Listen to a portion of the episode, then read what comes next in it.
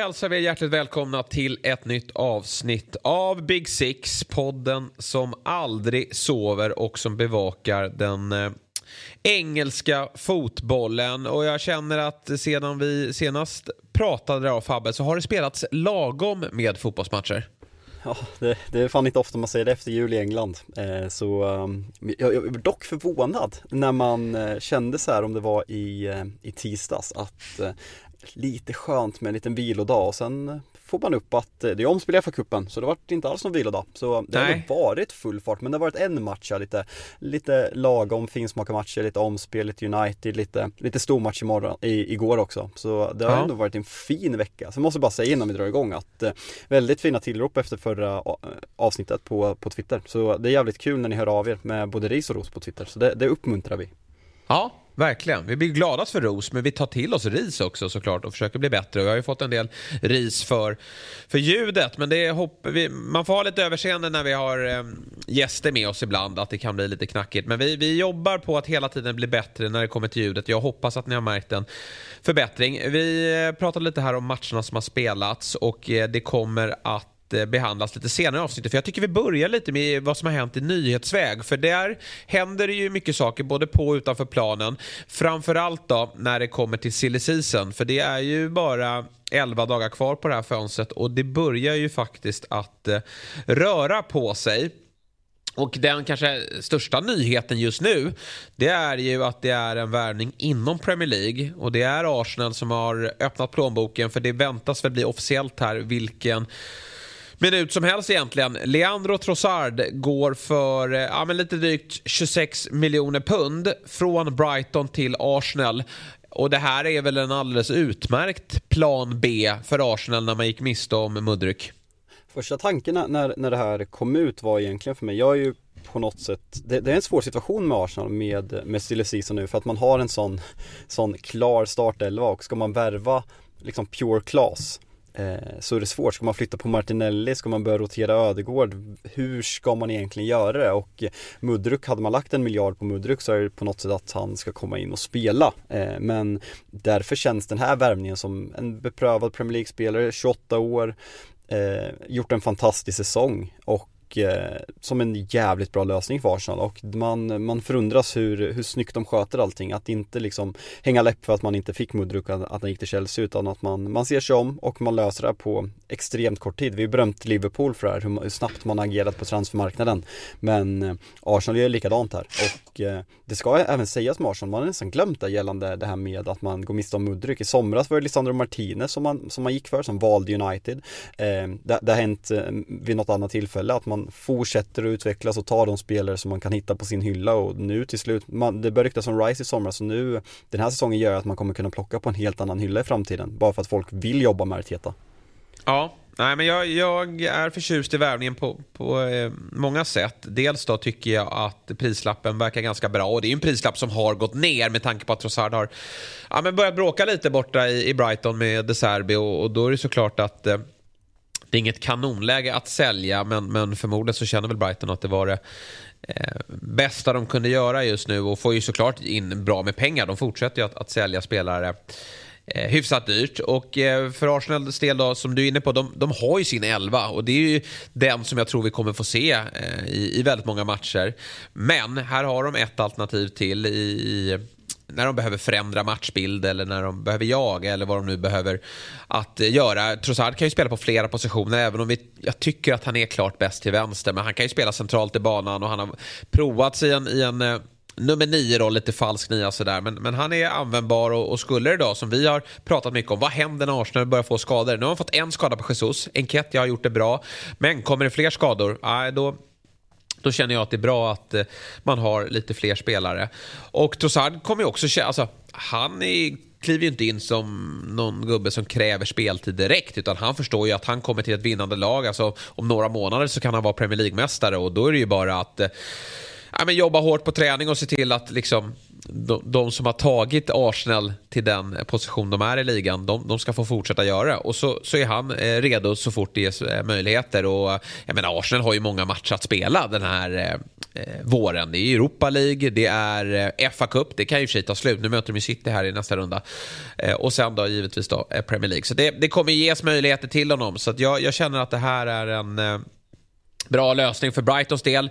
Fortsätter att fyllas på med pengar i, i kassakistan. Mittomaj är redan där och har visat att han är en fullgod ersättare. Så att allting, allting går ju rätt till i den klubben. Och eh, det blir intressant att se om de plockar in någon, någon ersättare nu eller om de väntar till sommaren. De, de bör ju inte ha någon panik direkt. De har ju satans mycket pengar alltså, vi kommer, kommer komma in på det men Caicedo, eh, Chelsea, ja. eh, Chelsea där, eh, Chelsea överallt de fortsätter vara överallt. Nej men som sagt, bra lösning för båda. Eh, De Serbi har visat att han kan spela utan Trossard och just den här grejen också att han, som du säger, är bäst från vänster. Så tycker jag är ganska viktigt om man kollar på Arsenals rotation för Saka är så given och en ledare genom sitt sätt att spela där ute. Martinelli har väl droppat av lite i kvalitet. Ja, lite i kanske. Eh, hur han håller upp det. Han är väl den spelaren i den offensiva fyran som är mest rotationsbar och där är det perfekt att Trossard kommer in. Så nej men en jävla superlösning för Arsenal och nästan blir lite lite frustrerande att de, att de gör allt så jävla snyggt. Ja, lite så kan jag tänka mig att man som, som rival och konkurrent känner. Och också en fördel är ju att alltså, han kan ligan. Alltså, han kommer ju sitta på bänken mot eh, United här på söndag om han hinner bli spelklar. Och, och då kommer han ju såklart att, att hoppa in i den här matchen och han vet ju precis vad som gäller. Så att det är eh, smart business från Arsenal. Det här fönstret värvar de. Får vi se om de fortsätter att värva. Det... Eh, låter jag vara osagt, men det är väl inte otänkbart kanske att man eh, går för det här till fullo. Eh, men Chelsea var du inne på, de fortsätter att värva. Caicedo är en centralt mittfältare, vi får se om det kommer in en sådan för det känns som att det finns ett behov. Men annars så verkar det som att de fortsätter att eh, behöva ytterforwards. Eh, Madueke eh, är nämligen klar. Från PSV kommer han och köps då för 30 miljoner pund. Och jag tänkte, ha det här eh, kommer ytterligare en, en holländare från PS, PSV. Gakpo kom ju eh, till Liverpool här lite tidigare under fönstret. Men det visar sig ju ganska snabbt när man eh, kikar lite närmare att han är engelsman. Ja, London-kille till och med. Eh, ungdomsår ja. i Pallas och eh, Tottenham. Eh, sen flyttade ganska, jag tror han var typ 17 när han flyttade till, eh, till PSVs akademi. Så, ehm, mm, vad, vad jag vet, det, det, man tycker är lite förvånande är att PSV gjorde det bra i Europa League och pratade om att man inte ville sälja Gakpo för att man liksom ville gå för ligan och gå, för, gå långt i Europa League. Och nu, nu har man sålt båda sina ytterforwards. Och Eh, men, men hur fan får man ihop det här Jesper? Alltså att vi pratat redan innan den här värvningen när man tog Mudryk att man har så extremt lika spelare och eh, vi, vi ska väl komma in lite mer på, för jag, jag läste en ganska lång artikel som förklarar lite ja, men, hur Chelsea agerar men det jag inte får ihop är, nu när man sitter på alla de här spelarna, man kommer troligtvis inte spela Champions League nästa år så truppbredden kommer inte vara lika viktig som den är för de andra klubbarna. Och eh, klubbarna kommer ju veta att Chelsea är des desperata att sälja de här spelarna för en sån som, ja men Ziyech har ingen framtid i klubben, Pulisic har ingen framtid i klubben. Jag börjar väl tro att snart att Sterling knappt har någon framtid i klubben. Aubameyang har definitivt ingen framtid i klubben. Sen har du Lukaku som man har glömt bort. Alltså de, de här spelarna kommer ju tvingas reas ut till på ett historiskt jävla sätt. Har vi haft en sån överfull position i ett lag någonsin? Nej, det är eh, jättemärkligt hur... Eh, just det här att det, det, inte försvinner någon. Alltså, det hade varit en sak om man tar in någon, för det är klart att Chelsea har ju pengar. De behöver inte sälja för att finansiera det här, så som läget ser ut nu. Men när man tar in någon och så släpper man dem. Men nu tas det ju bara in. och det här är ju bra spelare, även om eh, nu Pulisic skadad. Ziyech skulle jag tycka vore jätteintressant i, i någon annan Premier League-klubb. Jag tänker bara ett lag som Newcastle, som, där borde det vattnas i munnen. Det finns ju mängder av potential som kanske inte Chelsea har fått ut, men som andra klubbar känner att i den här miljön så, så, så kan det lossna. Ja, vi får se här om det händer något sista dagarna på fönstret. Men vi vet ju också om att det är en skadelista. Så att eh, Chelsea behöver ju ändå använda de här spelarna. Men den börjar ju ändå ljusna. Så att jag vet inte riktigt hur man eh, tänker avseende eh, spelare ut. Och den här Madueke, han kanske inte ska vara med. Får se här nu vad, vad som händer med Mudryk och, och Madueke. Om de ska vara med och utmana på en gång eller om de är tänkta för eh, att, att eh, förstärka på sikt. Mudryks prislapp tyder ju på att han ska vara här och utmana på en gång känner jag. Ja, nej, men det, det, är verkligen känslan. Och om vi bara ska gå in på det, alltså vi, ja, man har ju raljerat. Jag hade en eh, ganska rejäl rant där jag pratade från hjärtat vad jag, vad jag känner för Chelseas agerande och eh, min rädsla för vad det ska sprida med fotbollen. Men vi får ju lite skit av Chelsea-supportrar och jag, jag köper att man har känslor i klubben. Eh, sen tycker jag att man ska försöka se nyktert på det. Att att eh, vi vet att Chelsea har sålt väldigt mycket spelare. Vi vet att United är usla på att sälja spelare, det är inte det som hör till. Men om vi pratar om Mudryk så kom det ju upp eh, information direkt att Chelsea hade dubblat hans lön kontra vad Arsenal hade erbjudit att, att det var därför. Men nu, nu kommer det ut nyheter att han bara kommer tjäna 95 000 pund i, eh, i veckan. Och eh, det här då sett över åtta och ett halvt år. Och eh, drar man ut det, alltså jämför man bara med strukturen som har byggts upp tidigare under Romans ledning så både eh, Loftus Cheek och eh, Hudson O'Doy tjänar ju bra mycket mer. Jag tror de ligger på runt 120-150 000 pund i veckan. Så det är en ganska rejäl ökning så att man på något sätt lyckats få Mudruk, skriva de här långa kontrakten, skriva avskrivningar och sänka löneposterna Todd Boehly som jag har förstått det är ju en, alltså han är en revolutionär. Han, han gräver väldigt mycket för, första marken i dit han kommer och det är så han har blivit en väldigt framgångsrik företagsledare. Tror du att vi kan, kanske kommer se det här som starten på något nytt och sen så Ofta när det är förändringar, framförallt i fotbollen, det är, det är framförallt i svensk fotboll, man vill inte ha någon förändring. Man vill ju att saker ska vara som det ska vara, supporterna ska bestämma 51%-regeln och så vidare. Men säg att fotbollen blir körd? Tror du att man kommer kunna se tillbaka på det, att det här var starten på något, att man knappt kommer reagera på det i framtiden? Ja, det är, det är möjligt. Alltså, vi vet ju att det, det sker ju en helt annan förändring i världsfotbollen än vad vi ser inom den den svenska fotbollen, även om den rör sig också. Och med nya typer av ägare så är det såklart att det, det påverkas. Och Bowley har ju en Nej men han är ju superoperativ. Alltså, han inte bara går in och, och, eh, tillsätter folk i olika roller. Även om han har gjort det också. Men han, han eh, vill ju verkligen förändra någonting här. Och, eh, jag gillar ändå någonstans långsiktigheten. Chelsea har ju varit ibland lite för kortsiktig. Även om det också har gett resultat ibland. Alltså, man har gjort en tränarförändring och så har man faktiskt vunnit titlar. Vilket många andra klubbar inte lyckas med. Men Potter är en långsiktig lösning. och och alla de här värvningarna nu som man tar in är ju det också. Så att eh, det är väl bara just som vi varit inne på att eh, det behöver försvinna spelare också, men det är klart att det, det borde finnas en, en plan för det också. Sen får vi se hur, snabbt Chelsea får, får resultat. Här, den här säsongen känns ju redan körd eh, på sätt och vis. Även om man är kvar i Champions League och, och, det kan hända grejer där såklart så är det ju någonstans bara att försöka bygga upp något till nästa år. Men, men sen tror jag det kommer börja ställas krav på att det även ska vara kortsiktiga eh, resultat. Men eh, ja, vi, vi, alltså, det tycker jag ändå. Den har varit, det har varit uppe, alltså, samtidigt som vi har kritiserat Chelsea och eh, det vi ser på plan och, och ifrågasatt liksom var, var den röda tråden finns. Så uh, tror jag ändå att det, det man ska absolut inte räkna, räkna bort Chelsea eh, som en, en eh, utmanare eh, med tanke på vilken fantastisk akademi man har och vilka muskler som finns där. Men Chelsea har vi pratat väldigt mycket om de senaste veckorna. Vi konstaterar i alla fall då att Madueke är klar och vi får se vilken eh, påverkan han har på laget den här våren. Annars händer det också saker i klubbar lite längre ner i tabellen. Det börjar liksom eh, dyka upp lite så desperata handlingar från diverse lag. Eh, Nottingham Forest, som visserligen är på frammarsch här nu, de, de, har en positiv trend. De fick ju nyförvärvet från eh, Berlin här, Avoni, skadad i två månader. Och då väljer man att agera direkt och då gör man lite som Newcastle gjorde i fjol. Man plockar in Chris Wood. som, som, han får, som han får flytta på Chris Wood och ja. hur, hur långt det tror vi har innan vi har någon brittisk tabloid som gör en eh, rubrik med, med någon ordlek med Wood och Forest. Ja, verkligen. Det är klart att det kommer att dyka upp så fort han levererar här. Men det, det känns ju som att här, han är lite av en så här interimlösning, alltså en, en caretaker eh, för, för klubbar som är desperata. Precis som att man brukar eh, skoja om att Sean Dyche ska man ta in när man vill rädda någonting. Det har ju aldrig hänt. Men Big Sam då, eh, är väl ett bättre exempel. Men liksom den, den primitiva, enkla fotbollen som, som leder till att man, man lyckas hamna på rätt sida av strecket. Chris Wood är ju en, en bra nödlösning. Det var ju en märklig det blev en märklig karriär för honom i, i Newcastle, även om den inte är över. Han är ju som sagt bara utlånad. Men han plockades in för lite drygt ett år sedan när Newcastle låg väldigt illa till. Det hade kommit in väldigt mycket pengar till klubben, men man kunde inte plocka från den översta hyllan eftersom existensen i, eh, i Premier League var hotad. Chris Wood kommer in, Eddie Howe får ordning på hela laget men det är inte särskilt mycket ska tillskrivas Chris Wood utan det var ju snarare att laget fick ordning på, på spelet i övrigt. Och Chris Wood har ju snabbt blivit överflödig. Callum Wilson har, har hittat form, Alexander Isak har plockats in och det finns andra typer av poängspelare som har klivit fram. Och det har ju lett till att Chris Wood inte behövs i laget längre.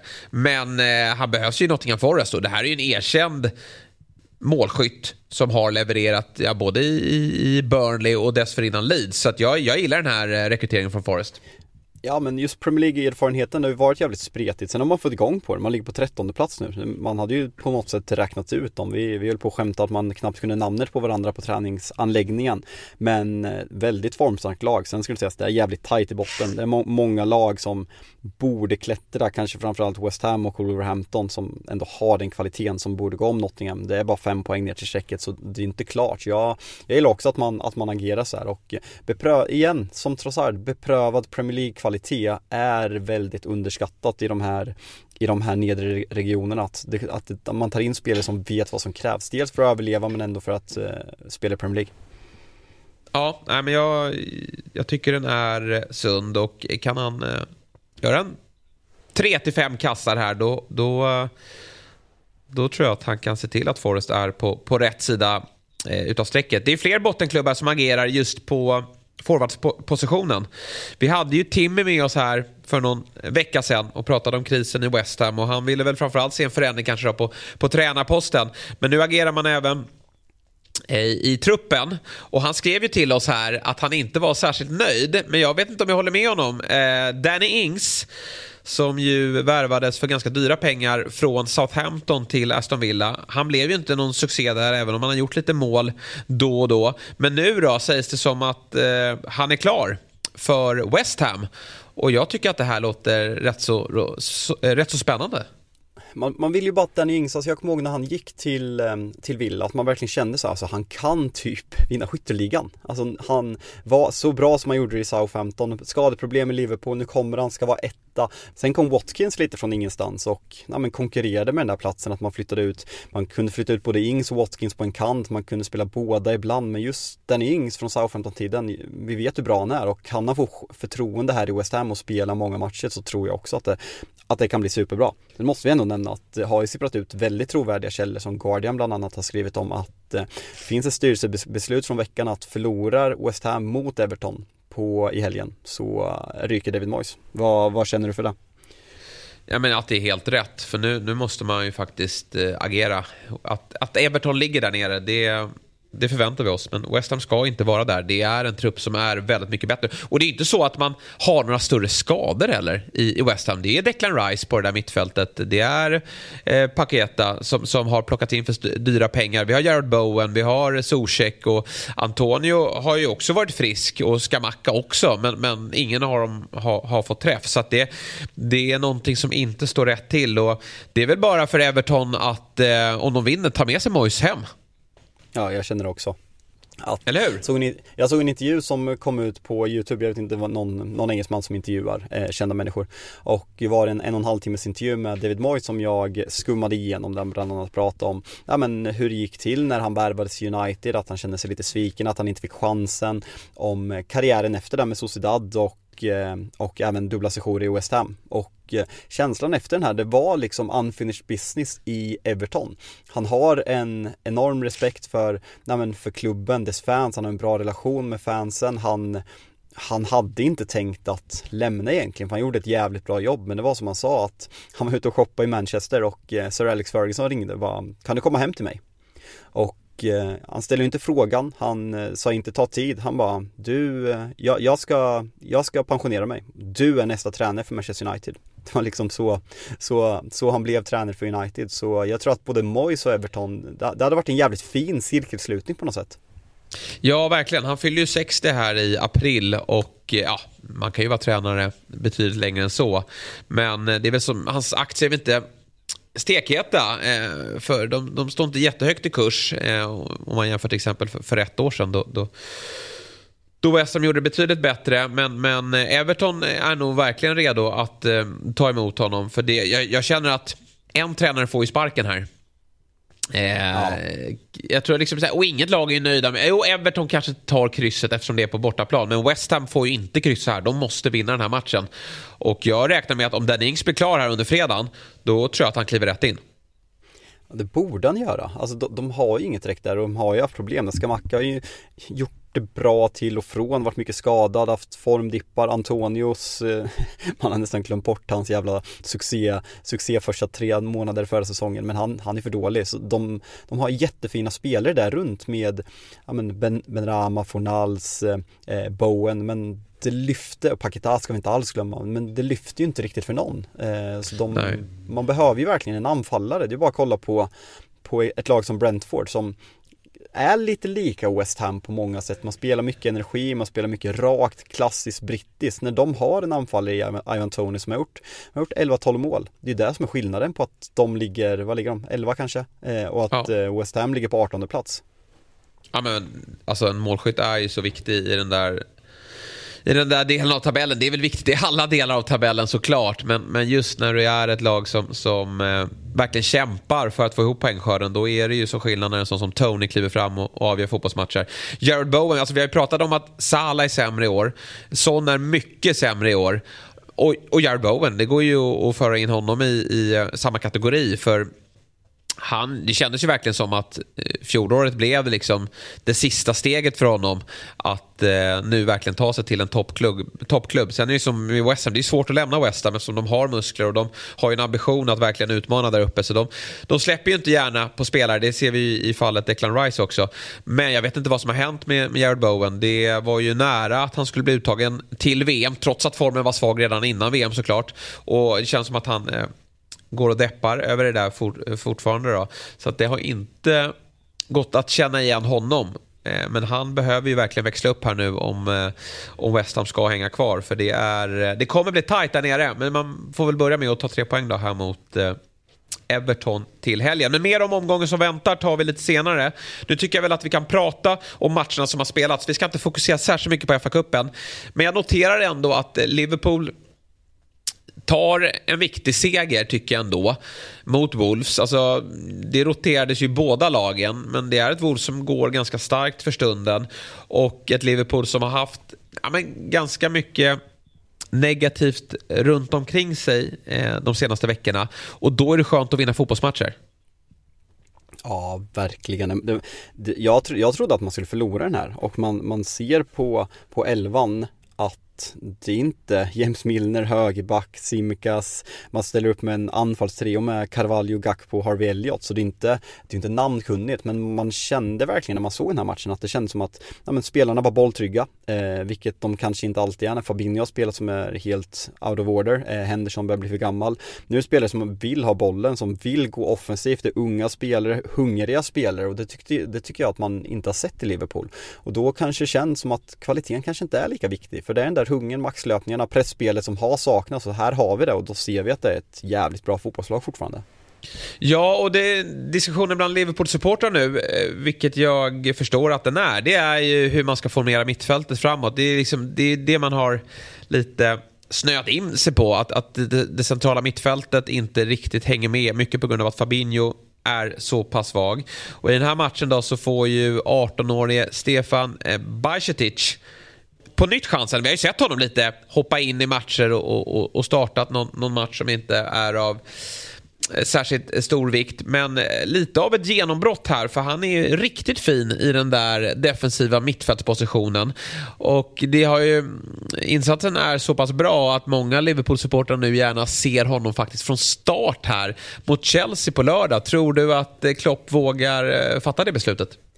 Alltså det skulle inte förvåna mig, minns alla förra året när han eh, från egentligen ingenstans, Harvey Elliott var väldigt lovande, gjorde några bra insatser och sen bam, satte in honom på, på Anfield mot eh, Manchester City och han gjorde det fenomenalt i den där, i den där trean på mittfältet eh, som den offensiva eh, bredvid Thiago och eh, Fabinho. Så det skulle inte förvåna mig för det, det, är ju verkligen en position som Liverpool har saknat kvalitet på i år. Han har liksom den där moderna sättet, alltså om vi tar Fabinho och och i Casemiro så, man, så är man ganska, nej men inte old school men ändå lite kraftfulla. Det finns ju den här moderna defensiva spel, speluppläggaren som kan vinna boll men samtidigt är fruktansvärt fin på bollen och hittar ytor. Och han känns mer som den typen så vill man kunna hålla i bollen och just att han kan komplementera Thiago där också så tror jag att Thiago är jävligt nöjd för att han får en lekkamrat på mitten som man kan köra lite possession med också. Ja, och det är kul att du just nämner Thiago. Jag vet inte, har du sett bilderna som har eh, florerat på sociala medier när det kommer till Bajcetic och Thiagos pappa, pappor? Nej, faktiskt inte. Nej, det är rätt coolt. De har nämligen spelat ihop i Celta Vigo. Eh, ah. Så att det är ja, jäkligt läckert. Så att de, eh, det finns en, en, relation där sedan tidigare. Och nu spelar alltså sönerna ihop och gör det väldigt bra. Både Thiago och Bajcetic är ju från Spanien. Eh, Bajcetic är ju, ja, han, som namnet antyder, så har ju rötter från Balkan. Men han är född i Vigo och eh, det verkar som att det är Spanien han ska spela för. Och jäkligt läckert att de två hittar varandra nu då i Liverpool. Får vi se om det, det sker då mot Chelsea till, i helgen. Det är ju ingen det är ingen dussinmatch direkt, men, men eh, jag tycker att det vore pikt faktiskt med tanke på hur svag Fabinho har varit. Men Liverpool är absolut ett, ett steg i, i, i rätt riktning här. Få hålla nollan är också så sjukt viktigt för dem. Så att... Eh, Kelle, här är du bra mer... alltså. Ja, verkligen.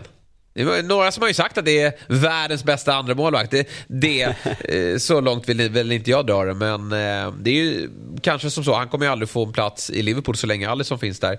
Men kanske att andra klubbar bör eh, rikta var, blickarna dit. Tottenham kanske? För, men var, något sånt, var det så här förr i tiden? Det känns som att alla lag, det är så jävla inne att ha en bra andra målvakt. United hade ju sin period när man, ja. ja men först Ben Foster var ung då, men sen kom, ja men Victor Valdes och sen så, sen kom Sergio Romero och hade i, i flera år. Nu ska man låna in Dubravka för att man inte litar på, på Tom Heaton och nu ska Jack Butland in. Och det, det är samma i, i många olika klubbar, att man just värvar en andra målvakt. Det känns som, ja. ja men en modig grej att det är en sån viktig position.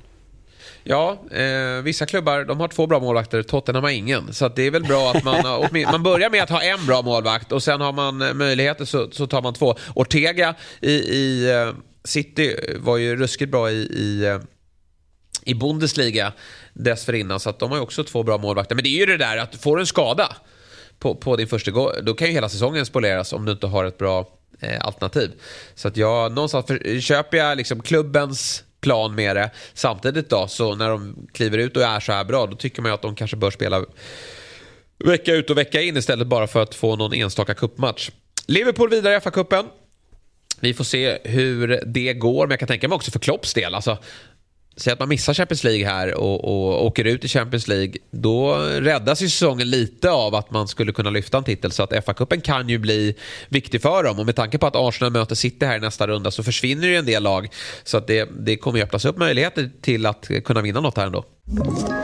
Ett poddtips från Podplay. I fallen jag aldrig glömmer djupdyker Hasse Aro i arbetet bakom några av Sveriges mest uppseendeväckande brottsutredningar går vi in med hemlig telefonavlyssning och, och då upplever vi att vi får en total förändring av hans beteende. Vad är det som händer nu? Vem är det som läcker?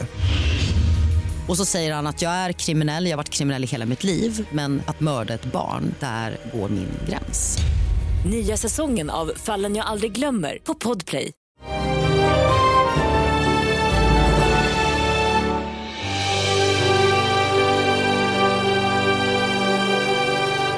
Du, nu ska vi prata ligafotboll, även om ja. du inte vill det. För jag tänkte att vi ska börja ja, jag, med vad som hände på Sellers Park. Ja, du gjorde det. Jag, jag äh, sitter ju såklart, liksom många som lyssnar på den här podden, och väntar på när, när snytingen kommer för United. Nu har det gått väldigt bra, hur Jalkemo reagerar. Och äh, du får väl berätta lite om dina känslor kring den här matchen. Det är ju en äh, otroligt dramatisk sista kvart eh, i matchen Crystal Palace-Manchester eh, United. Där allt ser väldigt bra ut som sagt till sista kvarten.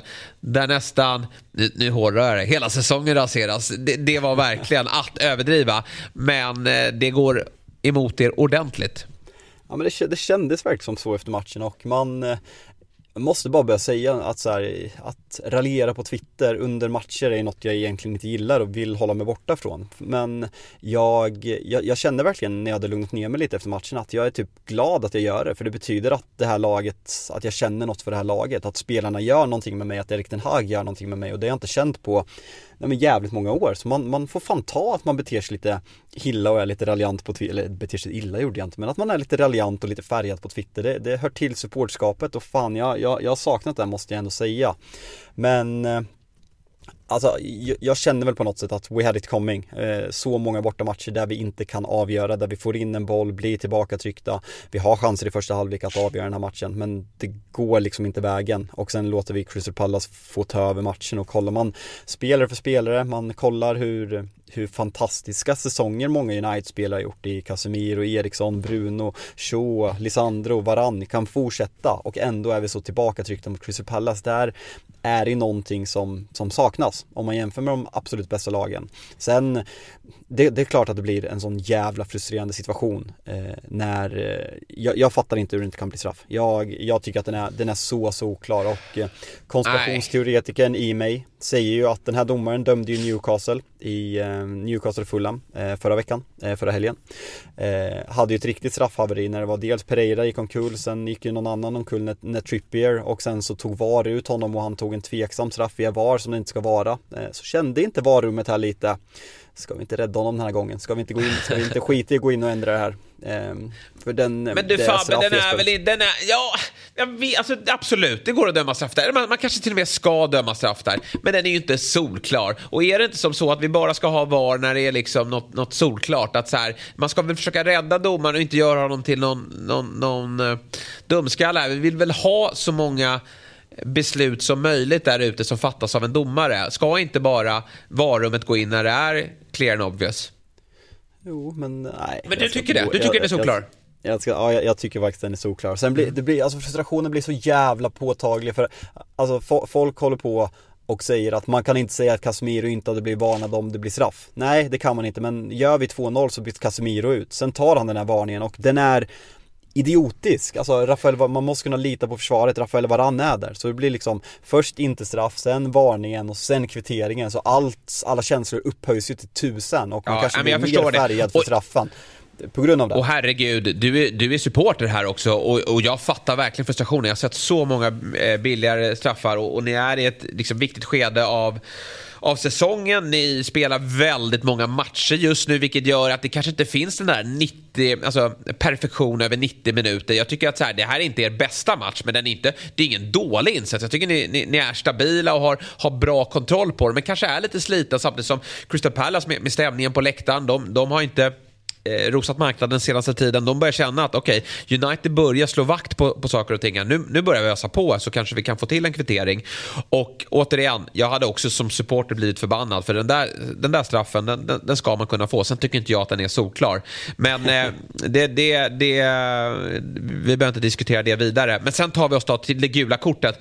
Och där måste jag bara få säga, Casemiro, vill inte han spela den här matchen på söndag eller? Va, va, det där är ju, vad fan sysslar han med? Nej, jag, jag, jag, fattar verkligen inte. Sen måste jag bara, vissa, vissa håller på och ifrågasätter att han spelade matchen. Och det, det där köper jag inte för fem öre. Nej, det gör inte jag heller. Det, det, det är vår viktiga spelare, han, han, han är bäst på plan innan det där. Och det är som, han blir lack på Bruno, men Casemiro, det finns något mellanting. Du behöver inte klippa Wilfred Zaha i knähöjd. Alltså jag, jag, tycker verkligen inte att det är rött, men det, det är ju Nej, orange. det tycker inte jag heller. Men, nej, För... men verkligen, alltså, det, det, är så solklart gult så det, det finns inte. Det är snarare ja. orange då som du är inne på. Och jag tycker så här, nej men det är som du säger, han blir förbannad. Det är som att han ska straffa Bruno. Bara, men då är inte jag med på söndag om du håller på och är så här dålig. och det där får ju, han är ju hur bra som helst igen, Casemiro, i den här matchen. Jag, eh, känns som att United också mentalt får sig en smäll efter det här. För alla fattar ju vad som händer. Och att man blir ännu eh, sämre i matchen efter att det har inträffat. Och jag, jag, jag, såg att några då reagerar på att Ten Hag borde ha plockat av honom tidigare. Men jag, jag känner ju att som spelare, en klok spelare som Casemiro är, att han ska kunna undvika den där typen av tacklingar. Sen kan det ju bli som, jag, jag refererar alltid till eh, Mikael Ballack när han eh, drog på sig ett gult i semifinalen inför eh, ja, i VM 2002 då, när han är tvungen eh, vid en omställning att dra ner en, en, en motståndarspelare. Det är en grej om det hade varit en sån situation, att han känner att han, ja men här blir det faktiskt mål. Men det här är ju liksom, United är samlat, det är Zaha ute på en kant, visst han närmar sig straffområdet, men det ska väldigt mycket till att det blir målchans. Och Casemiro saxar honom. Nej, alltså hade det varit en annan spelare utan, hade det varit Fambisaka som gör det, fine. Alltså ja. det, det, är en okej okay varning men så farligt är det inte så att det är värt att Alltså vid det, vid det, vid det tillfället så är det en seriefinal på söndag. Att du ja. ska ta den där varningen mot Pallas i 85 minuten eller fan det är för att missa seriefinalen mot Arsenal när du är lagets viktigaste spelare. Eh, det är idiotiskt och eh, jag tycker på något sätt att Casemiro har kommit undan väldigt. Många vill försvara till som han var tvungen att ta den och sen lagt över på Erik Ten Hag som ett borde inte startat honom, två borde byta ut honom. Det här är ju Casemiro som, som ska ha kritik för. Ja, verkligen. Det här är för, första misstaget han gör i Manchester United känns som. Och det ska han verkligen få höra för det här, det här kommer bli kostsamt, tror jag. Och för mig, jag förstår Slog de sist alla... utan Casemiro. Ja, det ska sägas. Absolut. Men, men vi säger så här då. Arsenal-supporterna jublar, United-supporterna deppar. Men jag som neutral deppar också. För jag hade verkligen velat se mittfältskampen. Och jag hade velat se ett United som kommer med eh, ja, bästa eh, möjliga tänkbara lag. Det, så blir det ju inte nu, även om jag tycker att Fred har spelat upp sig. Eh, McTominay finns där, ja, Eriksen finns där. Det finns ju lösningar på problemet och ni har ju som sagt vunnit mot dem tidigare. Men det är ett jäkla avbräck.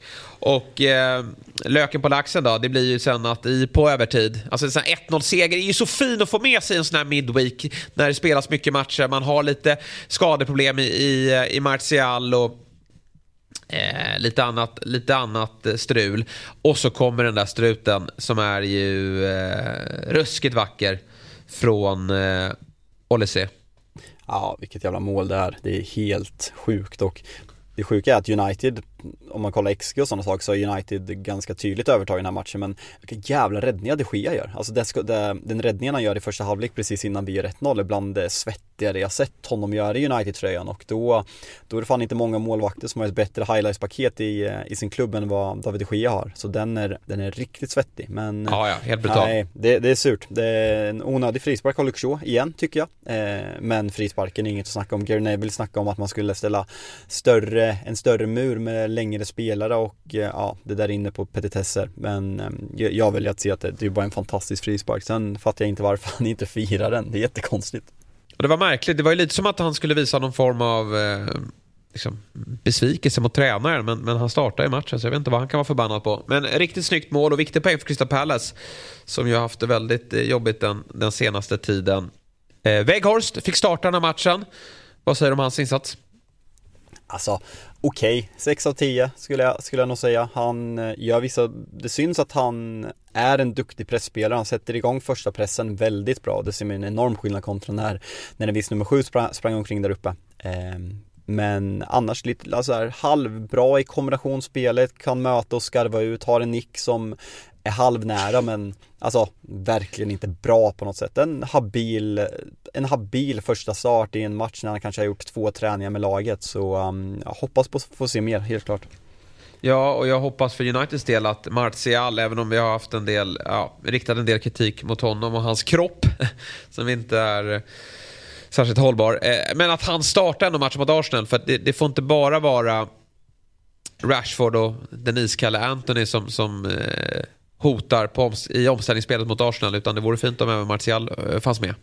Ja, men känslan med den här matchen också är att när vi straffade dem sist var det väldigt mycket på, på löpningarna bakom deras backlinje. Partey var ju, var ju borta som, som var jätteviktigt för, för United.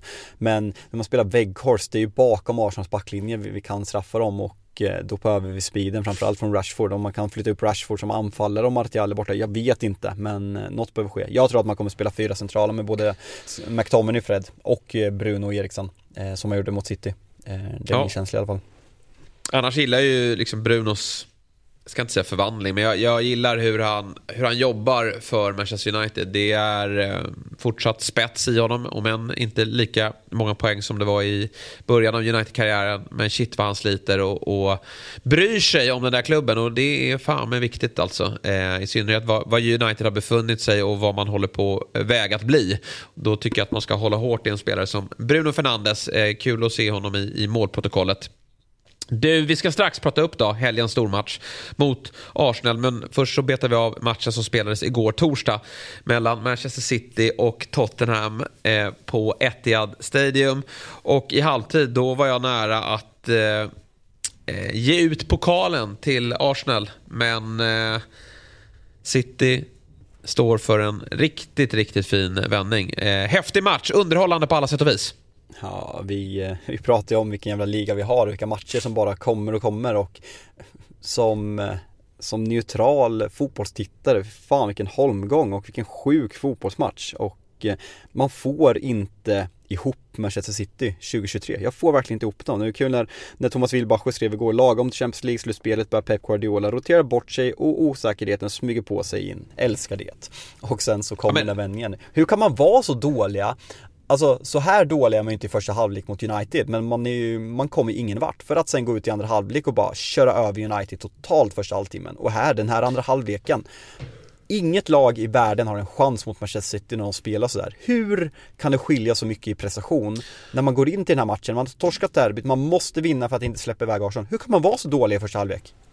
Nej, jag vet inte, men det är ju fotboll mycket. Ett, ett, stort mentalt spel, säger jag från mina erfarenheter från division 5-fotboll. Men det är ju liksom att, eh, alltså City, jag tror Conte i halvtid säger att håll emot nu första kvarten. Och, och, Spurs har ju haft defensiva problem genom året. Man har ju haft problem över hela banan. Men det är ihåligt där bak. Men jag tror att man är väldigt noga med i paus att trycka på att Sitt ihop nu för i helvete gubbar. Nu, nu får vi inte ge City en, en nagel här för då, då tar de allt. Och vad händer? Jo, eh, Alvarez gör 2-1 och då vet vi ju vad som kan hända på Etihad. Eh, bollen hämtas upp på, på mittpunkten och Spurs börjar se stressade ut. City har eh, vittring och då, där och då när de gör 2-1 då är man helt övertygad om att nu, nu vänder de på det här. De hade ju dessutom eh, De Bruyne och Foden och Bernardo på bänken att slänga in. Nu behöver de inte göra det för de här gubbarna löser, eh, löser det själva. Jag trodde att det skulle komma byten redan i halvtid. Men Pep väljer ändå att lita på det här lite märkliga laget han, han ställer på banan som också hade gjort en riktigt dålig första halvlek. Och eh, imponerad av City uselt av Spurs. Eh, man har ingen målvakt, man, man är väldigt lätt att tränga sig förbi. Och eh, längst fram så spelar en eh, Son som är... Eh, nej men bänka honom nu. Jag, jag, jag, jag pallar inte se honom mer. Han, är, han håller ju inte måttet. Nej men han, han är så dålig. Alltså... Han, kan inte, han kan inte transportera boll längre. Han, han har någon... Spurs vinner boll på mittplan. Tidigare han bara satte fart. Och, eller han hittade Kane och så tog han en ny yta bakom backlinjen. Han vet ju inte vad han ska göra. Han tappar ju bollen, han fumlar med bollen. Han är helt ur slag. Ja, men det, är, det är bland de största förfallen man har sett och det, han är ju inte det enda. Det känns som att det är många i Premier League. Alltså Jared Bowen den här säsongen kontra förra, Hugo Lloris har alltid gjort tal, men vad, vad håller han på med? Alltså första målet är ingen 100% i tavlan, men ska han ut och försöka boxa den där bollen, han måste få bort den. Nu, han, han missar bollen, han säljer sig, Alvarez öppet mål. Och sen vad han gör på 3-2 målet som avgör matchen, får inte släppa första stolpen. Och sen där med Arsenal, så tre, två och en halv dundertavla på, på två matcher mot Arsenal och Manchester City. Du får inte agera så som lagets kapten och lagets målvakt. Och jag, jag pratar Citys inställning i första halvlek. Hur kan, Ars, eh, hur, hur kan Tottenham inför ett North London Derby mot ett Arsenal som slåss om titeln, hur kan man gå in och vara så usla i första halvlek och sen vara så påkopplade, så jävla bra stå Det är bland det bästa jag sett ett lag stå upp på ett jag hade i första halvlek här man har. Och Bentancourt ah, ja. kan inte vara så viktig för Spurs är riktigt jävla bra i första halvlek. Ja, och en stor anledning till det är ju Dejan Kulusevski. Fan vad kul det är att ha en eh, svensk landslagsspelare som levererar på den här nivån.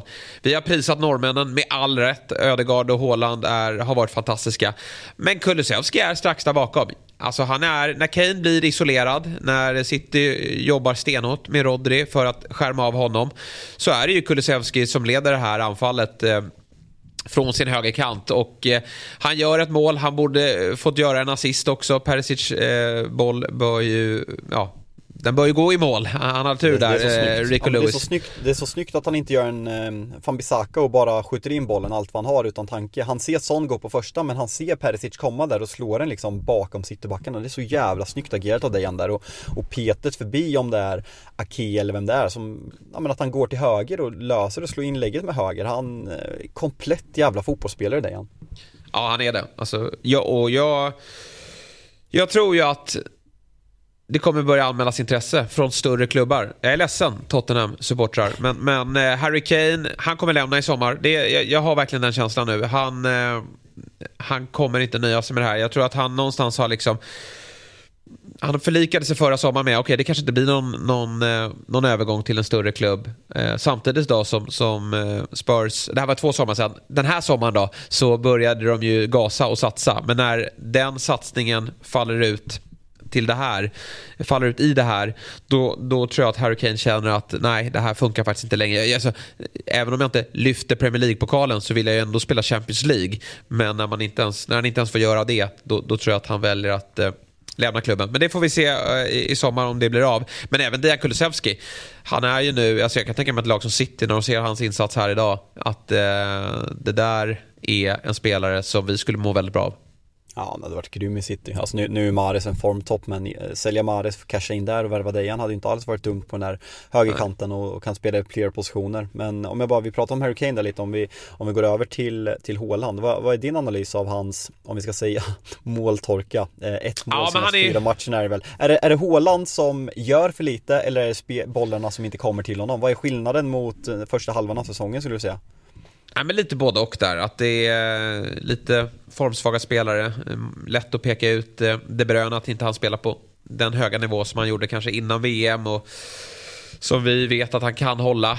Han spelar ju inte den här matchen. Bernardo är mycket sämre också. Det tycker jag att man glömmer i diskussionen. Eh, och Phil Foden är sämre, så att omgivningen är, är inte lika bra. Sen måste ju alla spelare, det går ju inte att liksom snitta över ett, eh, ett, mål per match utan man måste få ha en lite sämre period. Eh, viktigt att han får göra det här målet. Mm, han har inte riktigt han är inte lika vass som han var, men, men en liten svacka får man ha. Jag tror att han studsar tillbaka och målrekordet det, det lever ju. Eh, även om han måste behöva, han måste börja steppa upp igen. Ja, nej men det, det, jag tror han kommer ta målrekordet men det ska bli kul att se för han, han behöver komma igång och City ska ha chans att vinna nej, med dubbeln som på något sätt är målet. Det måste även nämna, tycker att det är jävligt fascinerande att se Rico Lewis. Man, han har ju spelat i ett City som har varit lite formsvagt men att Pep litar på en 0-4 i den där inverterade högerbacksrollen som kliver ut upp och på något sätt blir en balans mittfältare på det där, på det ja. där mittfältet. Det, det säger något om hur, hur mogen han är i sitt spel när Pep vid sån tidig ålder redan litar på honom. Jag tycker han är ja, men helt fenomenalt bra och vilken ljus framtid han går till mötes när han är så här duktig vid, vid 18 års ålder. Ja, för att han har ju väldigt mycket ansvar i sin roll. Eh, som du säger, han kliver ju in på ett centralt mittfält och, och blir lite av en, en eh, spelfördelare i, i, offensivt när, i offensiven när, när City har boll och, och, defensivt då så ska han ju falla ner på, på en högerbacksplats och, och sköta de, de defensiva sysslorna, vilket jag tycker att han verkligen gör. 18 eh, år, nyss fyllda, jätteimponerande och eh, ja, England fortsätter att producera bra högerbackar. Det har jag fan inte ens tänkt på. Det är ytterligare en i mängden. Det är helt Och eh, han, han, jag tycker att han nu Trent påminner fem, lite nu, om... Trent femte val. Ja, verkligen. Eh, nej, men liksom, vi har ju sett Klopp, eh, vet du, Klopp, eh, Klopp använda Trent lite i den här rollen också. Det är ju häftigt med ytterbackar som kliver in centralt, men han blir ännu mer centrerad än vad Trent blir. Och han är ju faktiskt nära att göra mål här också med, med långskottet där. Så att eh, Ricky Lewis eh, berömmer vi. Riyad Mahrez måste vi berömma. Han eh, är tillbaka på den där nivån som vi vet att han kan hålla i perioder. Ja, det, det det är så konstigt att han, han har ju verkligen perioder i City. Han har inte varit bra konstant en enda säsong sedan han kom och vi minns ju höjden från Leicester-säsongen när han var bra i 38 omgångar. Men eh, det är kul att se honom för det är en sån jävla självklarhet. Exempelvis 3-2 målet när han, när han bara går höger och sen snatchskottet, Sen dåligt av Juris absolut men aktionen av Mares är ju likväl fenomenal och eh, chippen på på, um, på 4-2 målet. Lenglés försvarsspel går ju såklart att ifrågasätta men just att han så snyggt får över bollen på det här sättet. Det, det är en spelare i medgång just nu. Ja, det får man eh, verkligen säga och eh, för mig då som är neutral och inte håller på något lag så blev jag ändå glad att det blev 4-2 här. För eh, kampen om ligatiteln lever ju. Kanske den hade gjort vid förlust också, men det... Nej. Du vet, är, kliver, nej, jag tror inte heller det. Du vet, kliver City in med... Är de 7-10 poäng bakom när vi kliver in i april, då, då skiter ju de i ligan och bara fokuserar på Champions League. Nu vet de om att de har lite häng samtidigt som de ska möta Arsenal två gånger också i just Premier League. Så att eh, jag, kampen om pokalen lever. Berätta.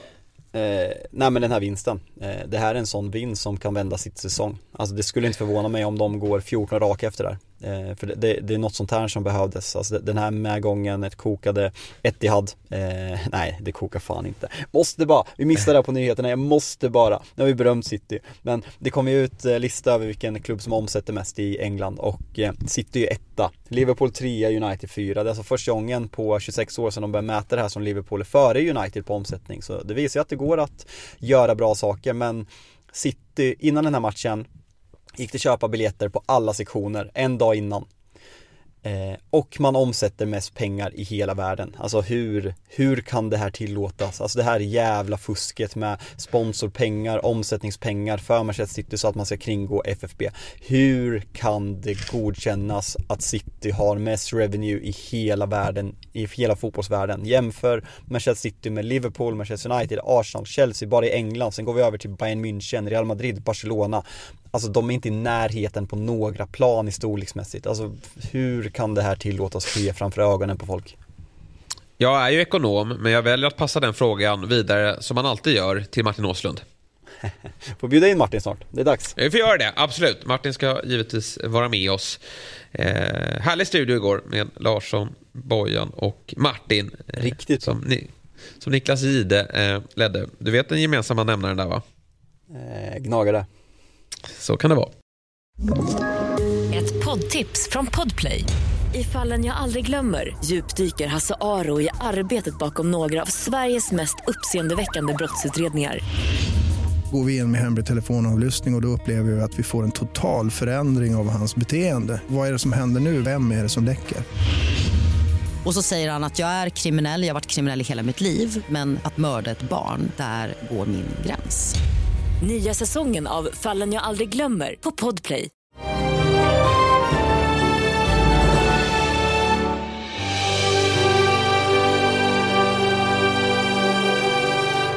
Du, eh, fotboll imorgon igen. 13.30 drar vi igång. Idag är det alltså fredag. Och det är ju två matcher som sticker ut den här omgången. Det är ett eh, toppmöte med två väldigt formstarka lag. Och sen är det ett krismöte mellan två Eh, för detta topplag då? Jag tänker givetvis då på Liverpool-Chelsea. Nian mot eh, tian i tabellen. Hur mår lagen? Hur, liksom så här, vilka, vilka värden kliver de in med och, och vilka är mest nöjda med ett kryss? Det måste väl vara som vanligt av bortlaget kanske? Alltså det, på grund av bortaplan så blir det väl Chelsea. Det känns som på något sätt, det, det, går ju så fort i fotboll. Det känns på något sätt som att Chelsea, den här lilla, eller den här lilla minikrisen, känns lite, man, man tog en viktig seger mot, mot eh, Palla senast. Man eh, har fått in Mudruk som liksom ger ett go i laget. Man, man fortsätter värva, Caicedo kanske kommer komma in från Brighton. Det känns som att man får lite mer andrum eh, när man går in i den här matchen. Det såg bättre ut mot Fulham också ska sägas innan eh, Joao Felix eh, eh, blev utvisad. Och sen Liverpool som kommer med lite go i laget efter FA-cupen men eh, det är ju två, två sorgliga lag sett till förväntningar den här säsongen och eh, jävligt svårt match att analysera på förhand. Liverpools backlinje är ju fortsatt ett problem. Det, det läcker bakom den här backlinjen. Sen har ju Chelsea det, det tror jag talar för Liverpool. Chelsea har ingen direkt djupledshot som kan utmana den där backlinjen där Liverpool har som mest hål och det är därför jag kanske håller Liverpool som favoriter. Jag tycker man är ett bättre lag och man har en bättre skadelista. Man har spelare borta också men inte i närheten av Chelsea så därför säger jag nog att Liverpool eh, är favoriter. Ja, nej men det får man väl, eh, får jag väl hålla med om. Eh, två lag i kall form men eh, jag tycker nog ändå att Liverpool har ett bättre lag. Får vi se vilket lag de, de, de, ställer på banan. Annars är man ju nyfiken på Mudrik. Vi, vi eh, har ju hört om hans snabbhet. Och eh, det blir väl Trent Alexander-Arnold ute till höger såklart. Och eh, jag tror inte att han slängs in från start här Mudrik. Men, men det är klart att ett inhopp här hade varit kittlande att se. Ja, det hade varit kul att starta honom. Alltså, det känns ju inte som, med, med skadeproblematiken, att man har ganska formsvaga spelare på den här positionen. Att man satte in Joao Felix direkt från start med bara någon träning så möjligheten finns. Det skulle vara jävligt kul att se honom för man, man är jävligt spänd på att se honom spela fotboll för det har man gjort väldigt lite. Ja, och sen är han har ju inte spelat tävlingsmatch på, jag tror det är två månader. Så det är Ah, möjligt okej. att han Ja, inte hade han riktigt inte där. Ah, jag tror inte han är slag för att- starta, men definitivt ett inhopp. Annars är det ju positivt för Chelseas del att Ben Chilwell och Reece James är i full träning. Sen får vi se när det mynnar ut i att de, de startar fotbollsmatcher. Eh, och jag tror inte heller att de sitter med på någon bänk. Men det är ju såklart jättepositivt för, för Chelsea här eh, som eh, ju behöver eh, rycka upp sig på, på alla plan. Eh, annars är det ju då som sagt diskussionen kring mittfältet i Liverpool. Harvey Elliot stod för ett snyggt mål här i veckan. Kanske att han letar sig tillbaka till en elva. Eh, men annars så, så tror vi väl att det blir såklart Gakpo och Salah och Oxlade Chamberlain. Fortsätter väl där uppe va? Nej, och ska fan inte starta igen. Han är så jävla dålig. Alltså de måste spela med, ja men de måste spela Gakpo och Salah, spela Elliot eller Carvalho eller vad fan som helst. Ja. Alltså, de kan inte spela med, med, med Oxlade igen. Men jag, jag frågade dig för, för en vecka sedan eh, om du tror att publiken kan vända sig mot, eh, mot Conte vid en rejäl förlust på Emirates. Tror du att, alltså man kommer inte vända sig mot Potter på plats, men tror du att det liksom kommer börja hetta till rejält om vi ser att Liverpool vinner den här matchen med 3-0? Eh, Chelsea kan gå ner på på eh, elfte plats, vill, alltså Aston Villa som redan har sparkat en tränare den här säsongen kan gå om dem på målskillnad vid, vid förlust tror jag att Tror jag att det kan börja ifrågasättas på riktigt med Potter. Men det är ju sådär, vid, vid varje förlust som, som eh, sker så, så är det ju några som tar steget över från tålamodshörnan till att nu får det fan vara nog-hörnan. Och det är klart att det är några som kommer ansluta där. Men jag tror ingenting förändras för Chelseas del när det kommer till Potter. Eh, då hade man nog nästan redan skickat honom sjukt nog. Utan eh, det... Ursäkta röran, vi bygger om. Det är ju liksom bara det man kan gå ut med till, till eh, supportrar och, och och tyckare. Eh, det är ett Chelsea som förhoppningsvis blir slagkraftiga på sikt men som här och nu har en del problem. Och eh, Liverpool borta är ju ingen rolig match såklart att eh, ta sig an. Samtidigt som det också såklart, det är ju inte ett Liverpool, de, de har ju sina problem. Så jag tror ändå att Chelsea känner att det, det finns möjligheter här till att faktiskt lämna Anfield med en poäng. Spännande blir det i alla fall. Liverpool, jag tror inget av lagen har gett upp liksom förhoppningar om att kunna vara med och utmana i, i slutet av eh, säsongen om en Champions League-plats. Så det, det är nog två lag som ändå går för tre poäng. Arsenal United avslutar omgången 17.30. Och vi har ju redan Mm. Vi- pratat om snackis. Ja, det gör vi ju. Det, där har du ingen val. Du kommer inte undan. Vi kör en, en, eh, ett söndagsavsnitt från eh, varsin bil. Och det är klart, snackisen är ju då att eh, Casemiro inte kommer till spel. Arsenal, de skickar väl ut samma elva som vanligt va? Ja, det är så frustrerande men eh, det är kul för dem Nej, det, det ska bli en jävligt, jävligt rolig match. Eh, minns eh, matchen i höstas eh, där eh, som till viss del kanske avgörs att Ödegårds eh, mål blir eh, bortdömt för en halvtveksam frispark innan. Eller det är väl inte Ödegård som gör det, det är han som, blir, det är han som faular vår spelare. Eh, så Arsenal revansch att utkräva. Men eh, alltså United är i jävligt bra form. Det är ett go i laget. Man ser en helt annan tonalitet på sociala medier även efter den här, den här förlusten. Det är inte som det var förra året som Robin Berglund säger Not the result we wanted, we go again. Thanks for the amazing support. Eh, det är ett go i laget och jag tror att man går in i den här matchen med Det var ju ett tag sedan man såg eh, Rashford skriva en, en lång ursäkt. Och det är ett gott saknar. tecken. Fan det var lite oroande med Rashford, han var ingen bra, han såg trött ut i, i onsdags alltså. Ja. Han såg och desperat, det är det är lite jävla lass han drar. Ja verkligen och det, det kändes nästan den här matchen att när han kollar runt sig, det är Weghorst där ute, det är Anthony där, Bruno kommer i andra våg men det är Rashford som måste göra det. Kollar man på de andra lagen, Arsenal, de har Ödegård, de har, alla kan göra det. City har liksom tio spelare som kan göra det. Liverpool, hur dåliga de än är den här säsongen så har de när, när Diaz och Jota och Bobby är tillbaka, de har så många spelare som kan göra det. United har fan inte många spelare när Jadon Sancho är borta som kan göra det. Vilket gör att Rashford Ja. kommer få dra ett stort lass och det här tror jag kommer drabba United jävligt mycket. Jag tror vi tar topp fyra men eh, det är det som gör att vi inte kommer kunna utmana på riktigt. Sen måste man Nej. våga drömma, vilket jag gjorde i söndags. Så är det. Ja, och kanske drömmer ännu större då än topp 4 om ni vinner den här matchen. Men på tal om Jadon Sancho så är han ju i, i träning nu med laget.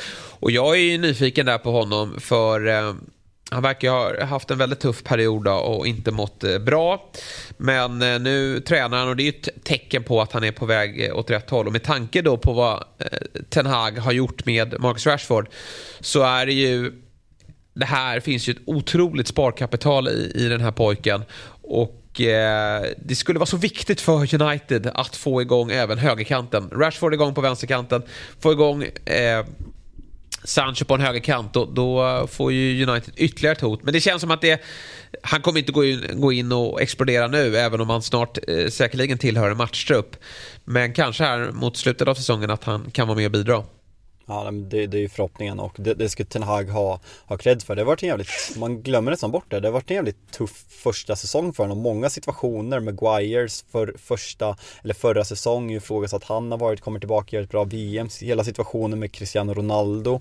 Eh, hela situationen med Jadon Sancho och hur han har fått Rashford att bli en bra spelare igen. Och en leende fotbollsspelare. Det känns, han har, han har träffat rätt på väldigt många, många del och det gör väl på något sätt att man har högre förväntningar och förhoppningar på att Jadon Sancho ska komma tillbaka och visa den spelaren som United försökte värva i 24 månaders tid som gjorde tvåsiffrigt med både mål och assist eh, säsong efter säsong i Bundesliga. Eh, så, eh, men jag, jag tror man kommer skynda, skynda väldigt långsamt. Man vill inte riskera någonting med tanke på vad som har hänt och eh, men, men en matchup inom, eh, ska vi säga i februari i alla fall, eh, känslan. Ja, vi håller tummarna för Jadon Sancho.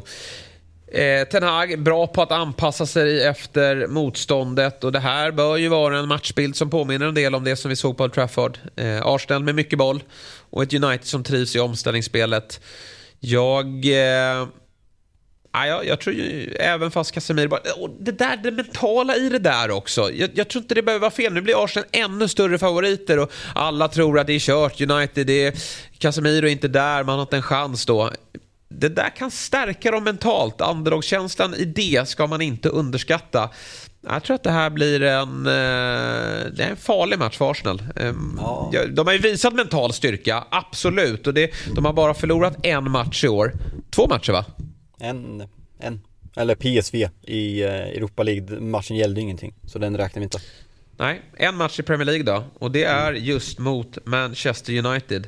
Och eh, det där ska man inte heller under, liksom underskatta att det, Fan, man har en känsla... Ja, men alltså, här, jag, jag, tycker nu har det blivit för stor vikt vid Casemiros avstängning. Det var inte bra att det blev så, men eh, det finns andra spelare och det är ett lag i medvind och det är en matchbild som kommer att passa dem. Ja, jag ser verkligen fram emot den här matchen. Äntligen, så här, Arsenal United, det är ju det jag är uppvuxen med. Alltså, det, det var ju den stora matchen. Alltså, United-Liverpool, jag vet att det är det största rivalmötet, men Liverpool var ju alltid skit. Det var ju liksom inte...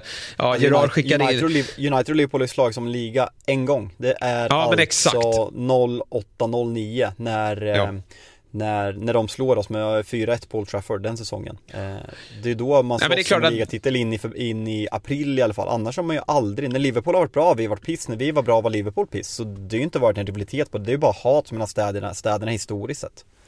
Ja, nej, men alltså, det, alltså Arsenal United, det var ju de häftigaste matcherna med Martin Keown när han bråkar med Van Nistelrooy och, och Vera mot, mot Keane. det, det finns så mycket eh, att minnas tillbaka till och jag är glad att vi har nu någonting att bråka, att bråka om, att spela för sportsligt. För det, det, har inte funnits tidigare. Men det gör det nu i allra högsta grad. Och eh, alla i England håller väl på, nej, alltså många vill väl att Arsenal ska vinna ligan va? Ja men det, det, det, känns som det. Eh, jag, jag börjar väl faktiskt också landa, jag sa för någon, någon vecka sedan att jag eh, att jag hellre ser att City vinner för att man bryr sig inte om City för att man inte känner så många City-supportrar och att Arsenals supportrar är hybris och odrägliga på Twitter. Men jag, jag har nog fan vänt. Eh, det är kul att det visar att, att man inte kan köpa sig till titlar, att City inte kan dominera fotbollen, att ett lag som Arsenal kan sticka upp och vinna. Man ska inte jämföra med Leicester, men åt det hållet. Det var ingen som trodde att Arsenal skulle ha en chans att vinna den här säsongen. Så jag, jag har absolut vänt där, men mm. på, på söndag ska de inte få någonting gratis. Eh, och eh, vinner United United där, 6 poäng. Eh, så så är det dock en match mer spelad. Blir det väl... Nej, jo, men det är hängmatch mot City också. Ja, exakt. Mm.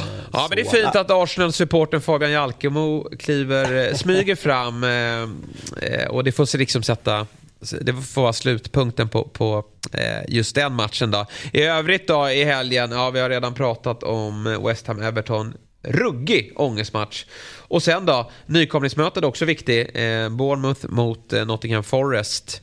Där Bournemouth nog behöver börja vinna snart om det ska bli Premier League-spel säsongen 23-24. Eh, Jag hoppas även att vi ser Alexander Isak från start borta mot Crystal Palace. Får vi se om så blir fallet. Det är bra match för dem också när Palla spelar den här tuffa matchen mot United så väldigt passande uppgift för Newcastle där och eh, fan jag är lite, lite rädd. Jag hade inte velat podda direkt på visslan i onsdags för då var jag arg på riktigt. Jag vill inte att folk ska höra mig i det, det modet så jag hoppas att om vi förlorar så förlorar vi inte på något sånt här tveksamt domslut eller något som gör mig arg. Ja, nej, men jag, jag, ska vara... Blir det som så att ni förlorar på ett felaktigt domslut, då, då ska jag vara, vara snäll mot dig eh, Fabbe. Eh, men det är alltid fint med de här söndagsavsnitten. Vi lovar Vi kör på söndag såklart. Ja, ja, självklart. Och så får vi ut avsnittet eh, så tidigt som möjligt. Så att folk kan ta del av det när de tar sig till, till jobb och annat. Bra så. Eh, vi eh, avslutar väl där eh, Fabian. Och eh, jag önskar dig en, en trevlig helg och lycka till här på söndag. Och så hörs vi därefter helt enkelt. Det gör vi. Vet du vad vi har glömt också? Nej. Har du sett Quisaleta-finalen Jesper?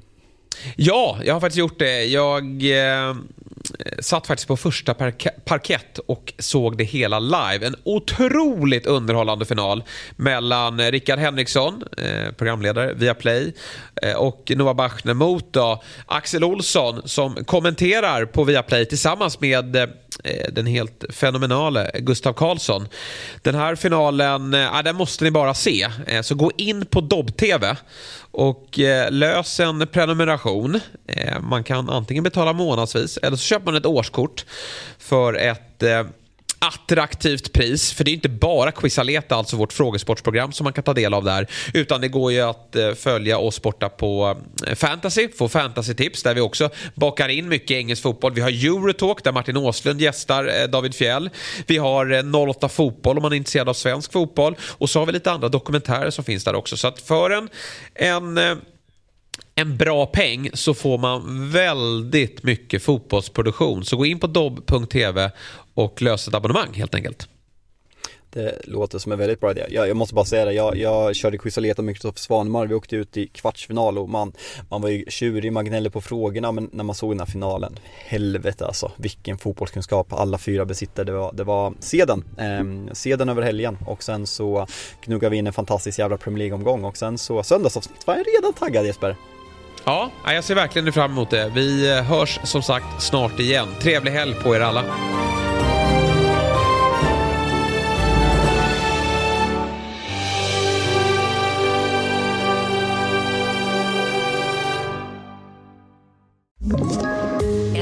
Poddtips från Podplay. I fallen jag aldrig glömmer djupdyker Hasse Aro i arbetet bakom några av Sveriges mest uppseendeväckande brottsutredningar går vi in med hemlig telefonavlyssning och, och då upplever vi att vi får en total förändring av hans beteende. Vad är det som händer nu? Vem är det som läcker? Och så säger han att jag är kriminell, jag har varit kriminell i hela mitt liv men att mörda ett barn, där går min gräns. Nya säsongen av Fallen jag aldrig glömmer på Podplay.